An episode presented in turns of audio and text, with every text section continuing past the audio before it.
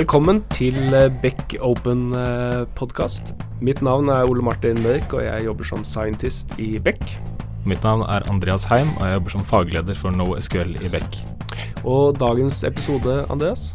Den skal handle om alt fra kjøleskap til klokker, bananpianoer. Den skal handle om wearables. Det er selvfølgelig Internet of Things vi skal diskutere i dag. Veldig interessant tema, og vår første gjest heter Christian Mosveen. Jeg heter Christian Mosveen. Jeg er 33 år gammel. Jeg er eh, samboer og har to barn. Jeg er her i dag fordi jeg er kjempeinteressert i prototypebrett.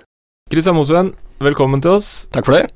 Vi skal snakke om eh, prototypebrett. Mm. Hva er prototypebrett? Prototypebrett er eh, en, egentlig en fornorsking av en slags fellesbetegnelse på dingser som du kan koble elektronikk på, og så programmere etterpå.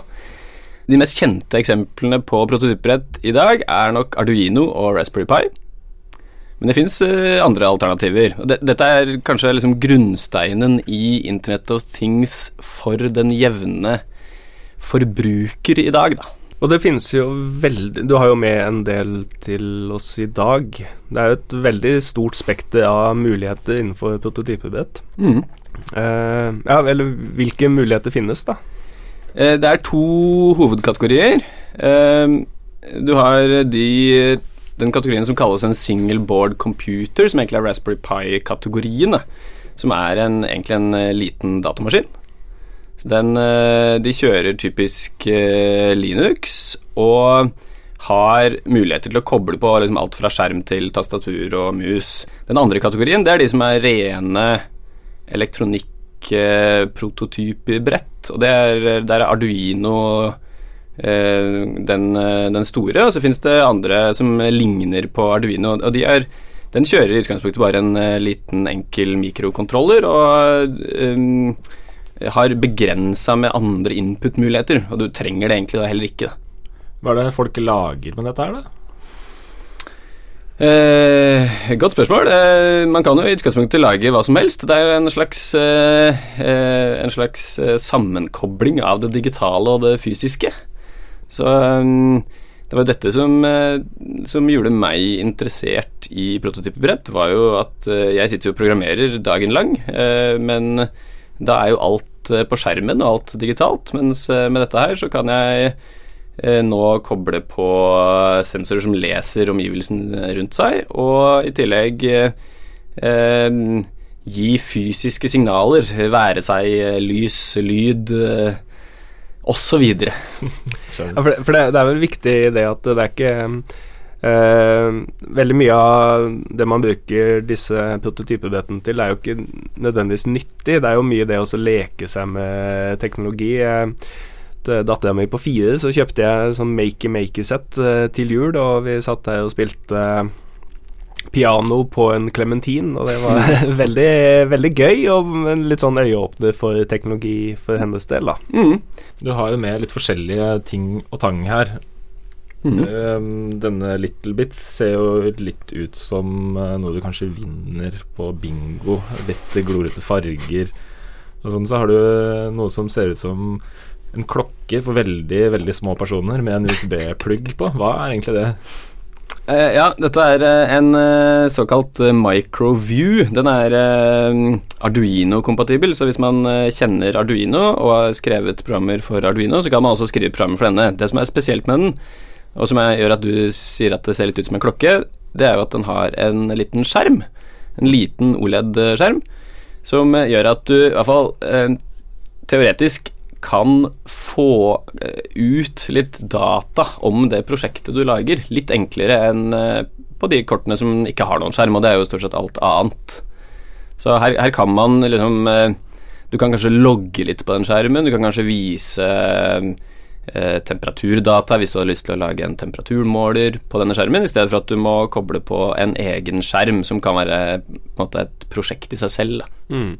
Vi, har, vi har jo vært litt inne på det, men eh, hvis, du, hvis du er ny i den prototypebrettverdenen og har lyst til å begynne med noe enkelt, hva anbefaler du da? Um, de to absolutt største, og som er de to jeg vil anbefale uansett, det er uh, enten Arduino eller Raspberry Pi. Mm. Uh, og det Disse to har litt, de har litt forskjellige bruksområder. Arduino er mest for de som uh, vil prøve seg på på det elektroniske, altså koble på sensorer, lese input og eventuelt Eh, skrive output til eh, lyspærer, eh, lyd, andre ting.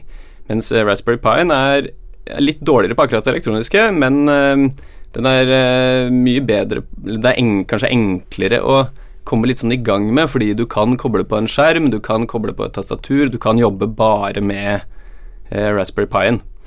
Mm. Så Det er de to hovedkategoriene, og uansett også de to eh, kortene jeg vil anbefale for de som eh, begynner med dette. her da. Veldig kort eh, helt til slutt, Kristian. Eh, ehm, hvorfor skal f.eks. jeg som er utvikler, hvorfor skal jeg bruke tid på, på dette her? Eh, det er jo eh, av samme grunn som alt annet du bruker tid på, fordi det er gøy. Men sånn annet enn det, så er jo nå husker jeg ikke tallene i hodet, men det er jo helt enorme summer som er eh, Som er projisert at ligger i sånne ting som home, home automation i fem år fram i tid. Eh, og med eh, en eh, Raspberry Pi f.eks., eller en Arduino hvis du har klart å koble den på internett på et eller annet vis, så har man en slags begynnelse hvis man har lyst til å gjøre noe hjemme. Hvis du har lyst til å skru på lyset ditt eh, når du kommer inn døra hjemme, f.eks., så er dette kanskje den eh, om ikke enkleste måten å gjøre det på, for det finnes produkter du kan kjøpe, så er det i hvert fall den billigste og den morsomste for de som liker å programmere. Takk skal du ha, Kristian. Det var bra du oppsummerte der. Vi skal nå få besøk av Ole Kristian Langferran og Lillian Ersøy, som skal snakke litt mer om faktisk hva man kan bruke dette her til. Takk for at du kom.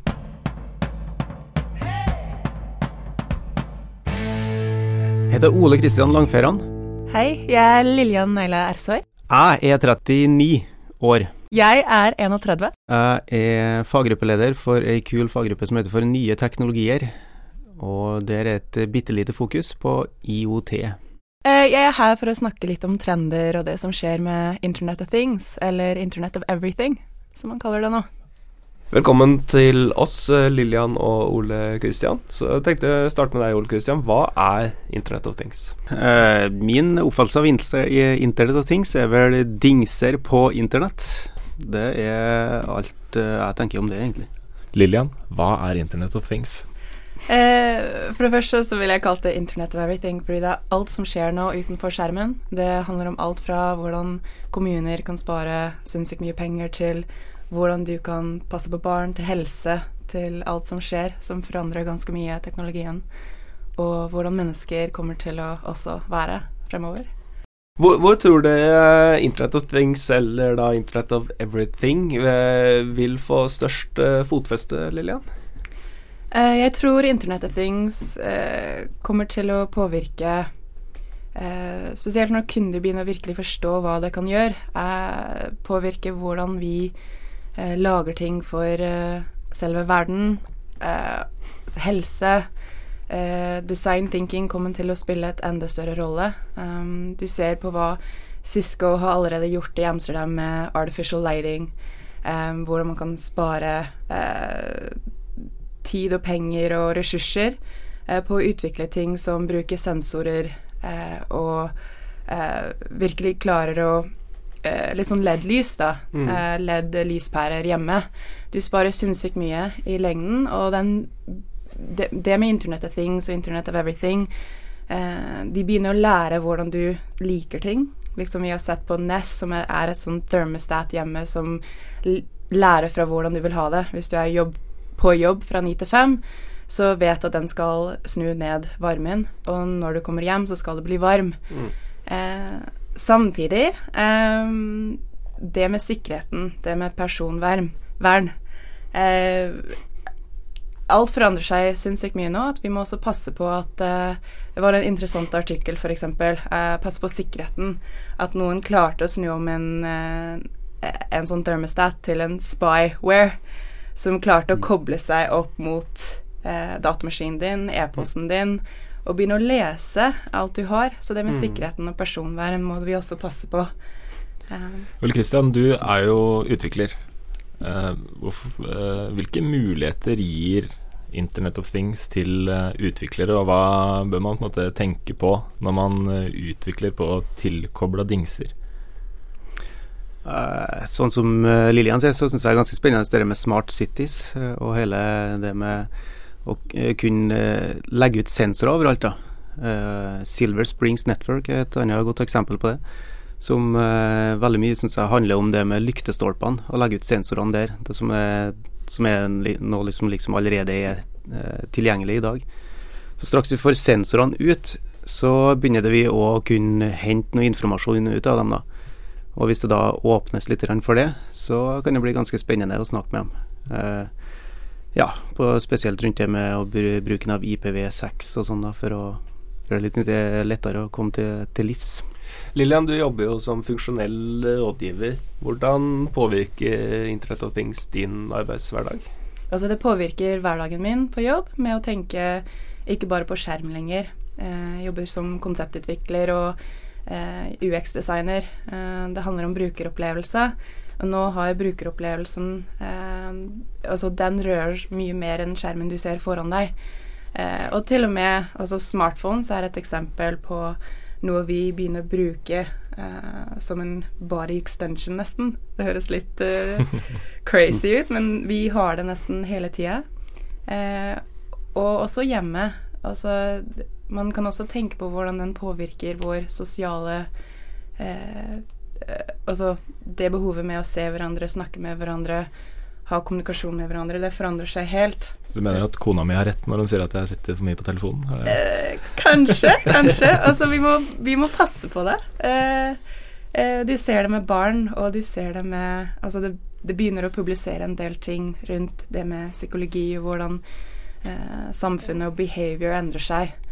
Eh, så det er, det er, ting vi må passe på. Samtidig som eh, ting som klokker og smartklokker og det med Android Wear og iWatch. Det er sinnssykt mye kult som gir en uh, sinnssyk verdi også. Mm. Og uh, man kan vurdere uh, hvor i hvilken grad det med watches Altså kommer det til å være en lang trend fremover? Kommer det til å være like kult som mobiler? Jeg er usikker. Hva tror du om eh, iWatch, eh, Ole Kristian? Er det noe vi kommer til å se på alle hipsterhåndledd eh, fremover, eller er det en forbigående trend, litt som Microsoft Bob? Jeg tror det er definitivt. Jeg tror Apple Watch kommer til å bli utsolgt straks det kommer i butikken. Og at det kommer til å bli det nye. men jeg tror folk vil elske Erik Solheim har sagt folk, folk vil elske eh, funksjonaliteten og hat batterikapasiteten. Men jeg syns det, det, gir oss noe helt nytt at du har en eh, activity tracker på handa som er kobla til telefonen din hele tida, og som du eh, mye lettere enn tidligere kan få lage apps til. Og eh, som Lillian sier, jeg tror vi vil se mye nytt og spennende rundt det med helse. Apple Health Kit og eh, konkurrenten Google Fit da på Android. Det syns jeg er ekstremt spennende. Hvor, hvorfor vil uh, iWatch bli en suksess når Android-klokkene har floppa i uh, hopetall? Er det, er det fordi er det Apple-effekten som gjør det, eller uh, har ja. du noen tanker om det? Fanbasen, tror jeg. Eh, definitivt vil gjøre. Og så tror jeg Altså det er Android Watch versus Apple Watch, så tror jeg at her har Apple gjort noe riktig igjen. og vi vil se kanskje at fragmenteringa vil virke imot Android igjen, da. Android har jo både sirkulære og firkanta klokker, mens eh, Apple går for én modell firkanta klokker i to forskjellige størrelser. Og så da, for meg som utvikler, når jeg da skal begynne å lage en app til, til Android, eh, hvordan skal jeg da forholde meg til det? Nå er det vel ofte Android sjøl som lager det, men eh, jeg tror de vil ha en utfordring med det at fragmentering på, på tvers av det at alle forskjellige som, folkene som Motorola og Samsung og sånn som lager sine egne. Dette med Internet of Things, det har vi jo hørt om i mange, mange mange år. Er det noen som tjener penger på dette her, bortsett fra de som lager prototyper, brett og sånn som vi sitter og hacker på på kvelden? Er det, er det noen som måtte, har gjort uh, gjort karriere med Internet of Things? Det er det definitivt. Uh, og så man kan Det med uh, klokker Man kan vurdere i sånn Så lenge innholdet, og de klarer å lage apps som definitivt har en verdi, så klarer de å tjene penger på det. men et eksempel på det er sånn barneklokker som heter Altså en merke er Tinitel, og en er Philip, der det er en sånn helt vanlig klokke, men du kan kommunisere med moren din eller faren din og så hvis de har en sånn emergency, hvis det skjer noe, så kan de klikke på den knappen eh, som sier til eh, moren din Ja, jeg er her, kom hent meg. Jeg er i fare. Altså, det har et tydelig stor verdi. Og de tjener sinnssykt mye penger på det. Så det handler om Klarer vi å eh, lage eh, apper og ting i fremtiden som har et tydelig verdi? Og det ser man allerede at eh, eh, selskaper som Cisco Uh, de sier at uh, it has the potential to deliver over 14 trillion dollars of value in net profits. Det er mye penger. Det er sykt mye penger. Og så er det ting som blir påvirket, som smart buildings, connected healthcare, patient monitoring, smart factories, private education osv. osv. Litt tilbake til klokka du snakka om for barn. Altså, jeg har jo selv barn og burde være i, midt i målgruppa for, for de klokkene her. Og jeg er på en måte Det jeg tenker, mest på her, da, er jo hva skjer med privatlivet i en Internet of Things-verden? da, Hva skjer med overvåkning og sånne ting? Alle disse klokkene for barn har jo innebygd GPS, så du kan spore hvor ungen din er til ethvert tidspunkt. Ikke, er det på en måte noe Er det en vei vi ønsker å gå? Det er i hvert fall ikke en vei jeg ønsker å gå. Men er du ikke opptatt av sikkerheten til barna dine, men det er et godt poeng. Jeg, jeg, jeg, er mest opptatt av å måte, gi de fornuftig input, så de klarer å skjønne det selv, uten at jeg skal sette opp et sånn geofence hvor jeg får alarm når de går utenfor. Så. Veldig forståelig. Nei, det er jo et uh, er, ja, er, Jeg syns det virker som at folk egentlig kunne ønska seg enda mer som hadde tracka dem overalt, så de kan dele på Facebook og lignende. Eh, altså at eh, folk ønsker nesten et mindre personvern. Det er kanskje dristig sagt, da, men eh, det å kunne sjekke inn fort på Facebook og sånn, eh, jeg vet ikke. Det får være litt opp til folk sjøl. At eh, vil jeg ikke trackes, så slår jeg av det. Det er jo alltids en eh, mulighet for det. Så i Back Open podkast så bare dreper vi ordet privatliv og personvern. Vi, vi, fjerner det fra vokabularet. Ingen er interessert i å ha det. Alle vil vite hvor alle er til enhver tid. Det er en skikkelig fine line der. Det med, altså vi gir Google hele tida tilgang til dataen vår. Uh, og er, sånn sett kan de tracke hvis det er uh, trafikkerte gater.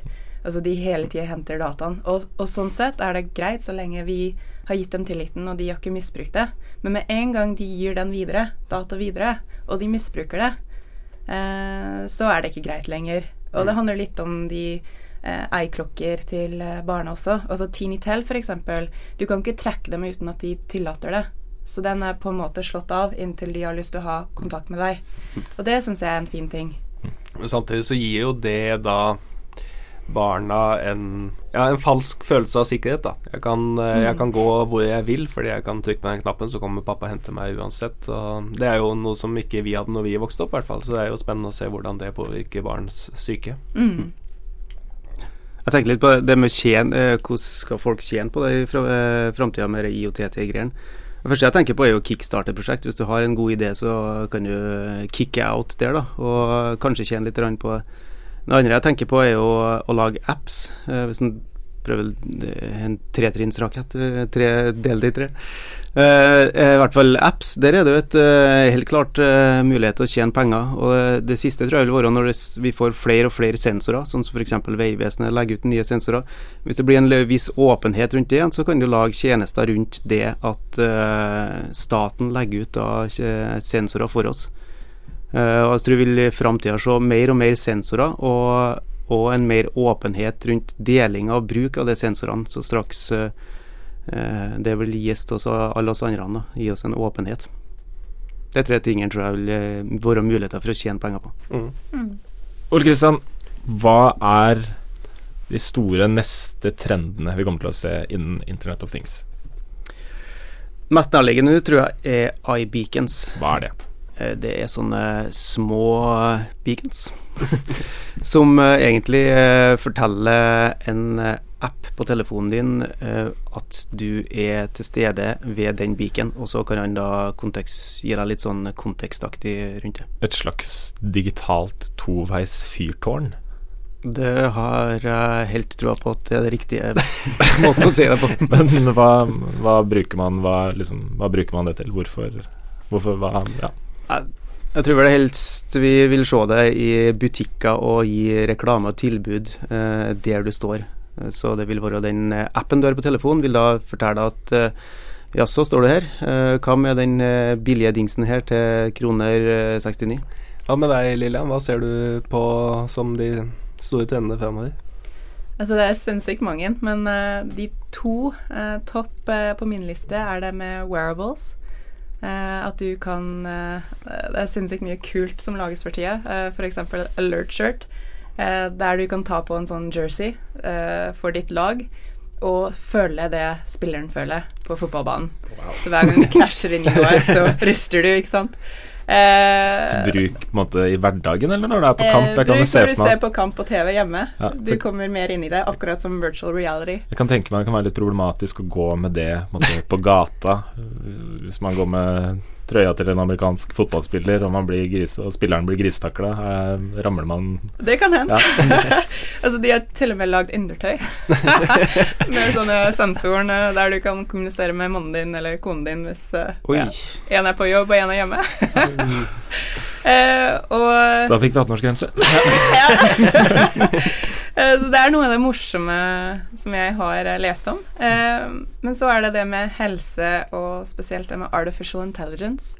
Jeg tror vi kommer til å høre mye mer om i, i nåtid og fremtid. du ser alt fra selskaper som lager nettsider. En som heter The Grid, som begynner å bruke artificial intelligence til å lære mer om hvordan du vil ha ting.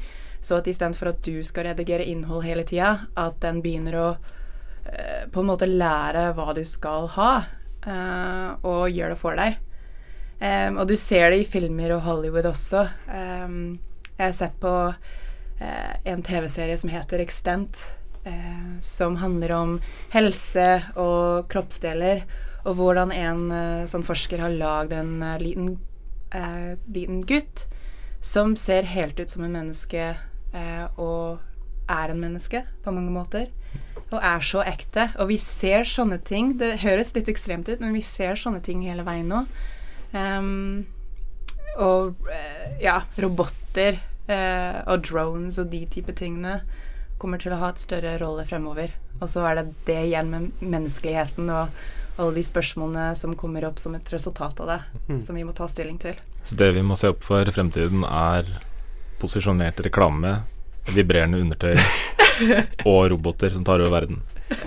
Det, det var en fin ja. Eh, oppsummering. Tusen takk for at dere kom til oss i dag.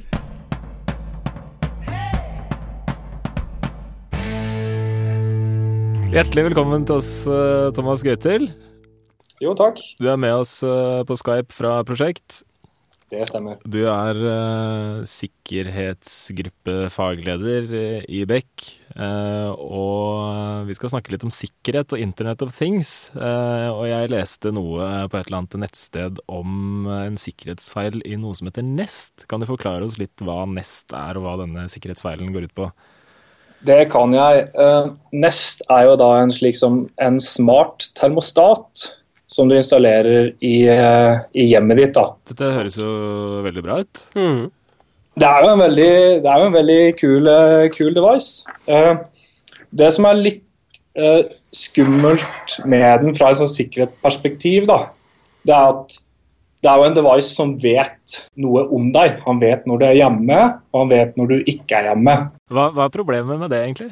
Problemet er jo hvis en angreper får tak i den informasjonen, da, så kan han sikkert kan han høyst sannsynlig utnytte det til noe. F.eks.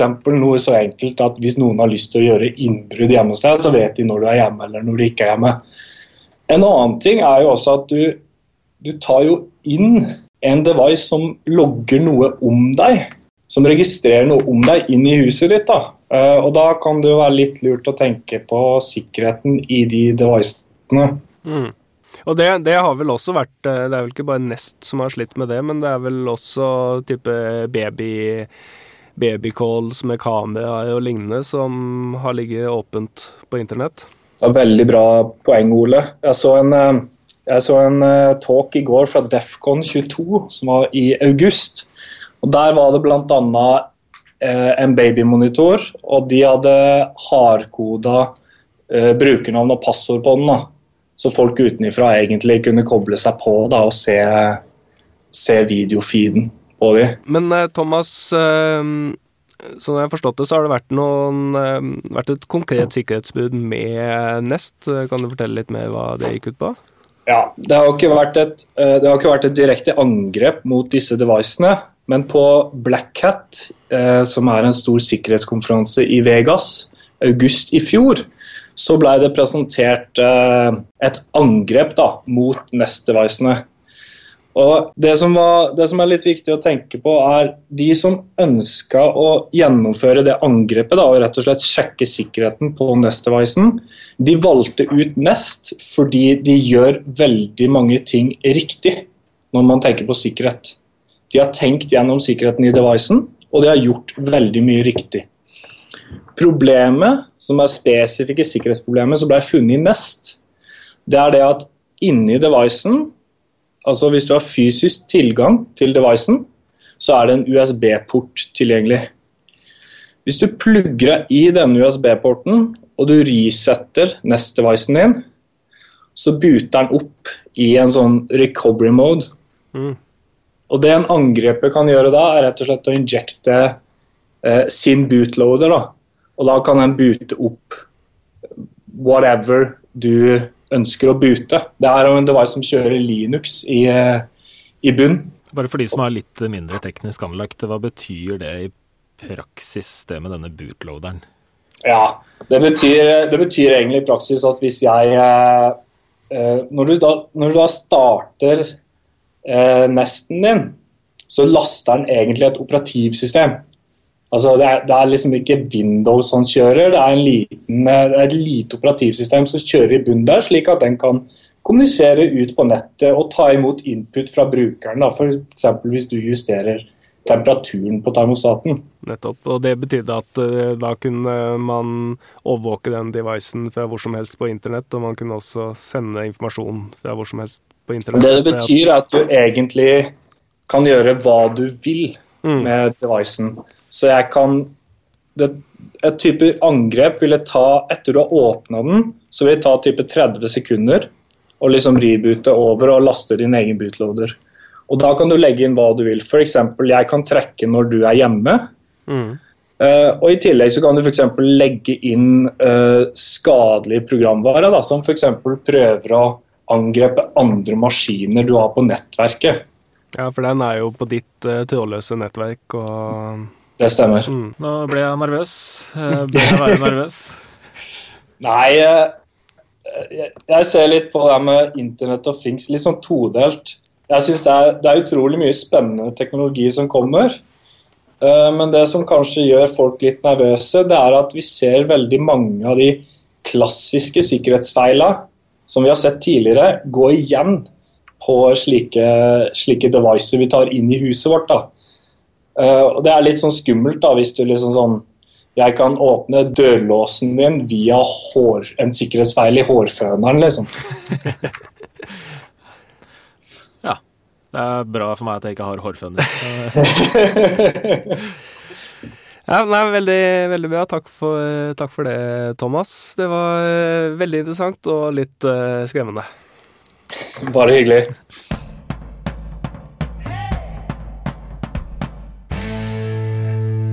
Hallo, jeg heter Vegard Weiseth. Jeg er 25 år. Snakker litt om forskjellige gadgets og IOT.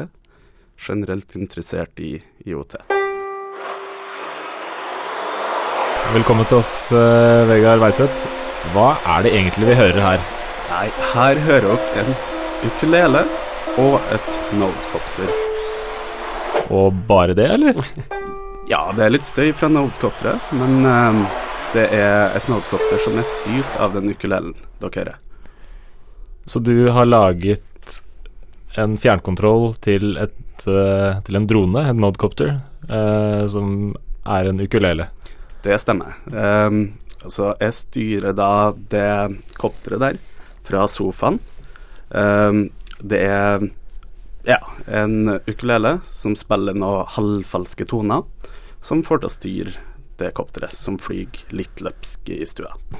Jeg må bare spørre deg, hvorfor i all verden har du laget dette, altså en ukulelefjernkontroll til en drone? Nei, eh, det starta vel seint en uh, lørdagsnatt, uh, der jeg var på byen og hadde drukket et par for mange pils. Fikk den ideen at jeg må lære meg å spille et instrument. Eh, så da kjøpte jeg med en uh, ukulele. Uh, og så balla jeg litt på seg. Jeg prøvde å lære meg å spille på en her. Det gikk ikke veldig bra. Det, det må jeg bare innrømme. men så hadde jeg et par sånne Nodecopters liggende. Og da tenkte jeg jeg må jo få brukt den ukulelen til noe som helst, ikke sant? Når jeg ikke får til å spille noe, så må jeg jo se om jeg får til å gjøre noe fornuftig. og det endte jo opp med en ukulele som styrte et kopter. Kan du bare si kort hva, hva er et Node-kopter? Uh, ja, uh, det er en drone uh, som du programmerer mot. Den har et veldig fint eh, API eh, som er basert på Node, så du sender egentlig bare kommandoer til det. Så Node som i Javascript? Eh, ja. Node. Er det det samme, samme dronen som man kan styre via iPad og iPhone og sånt? Ja, det finnes man, mange applikasjoner som du kan styre deg med. Det er til eh, pads, til, ja, til alt, cirka. Så mm. det er veldig enkelt å styre dem. Så det holdt ikke for deg? Alle disse, Du måtte rett og slett bare interfacen med en ukulele? Ja, altså når det er mulig, hvorfor ikke? Det tenker jeg. Mm. Fullt mulig. Men takk for at du kom og fortalte om oppfinnelsen din, Vegard. Bare hyggelig. Ja, det var alt vi hadde for i dag i Beck Open sin podkast. Jeg heter Andreas Heim. Og jeg heter Ole Martin Mørk, og vi er tilbake før du aner det med en ny episode. Ha det. Ha det.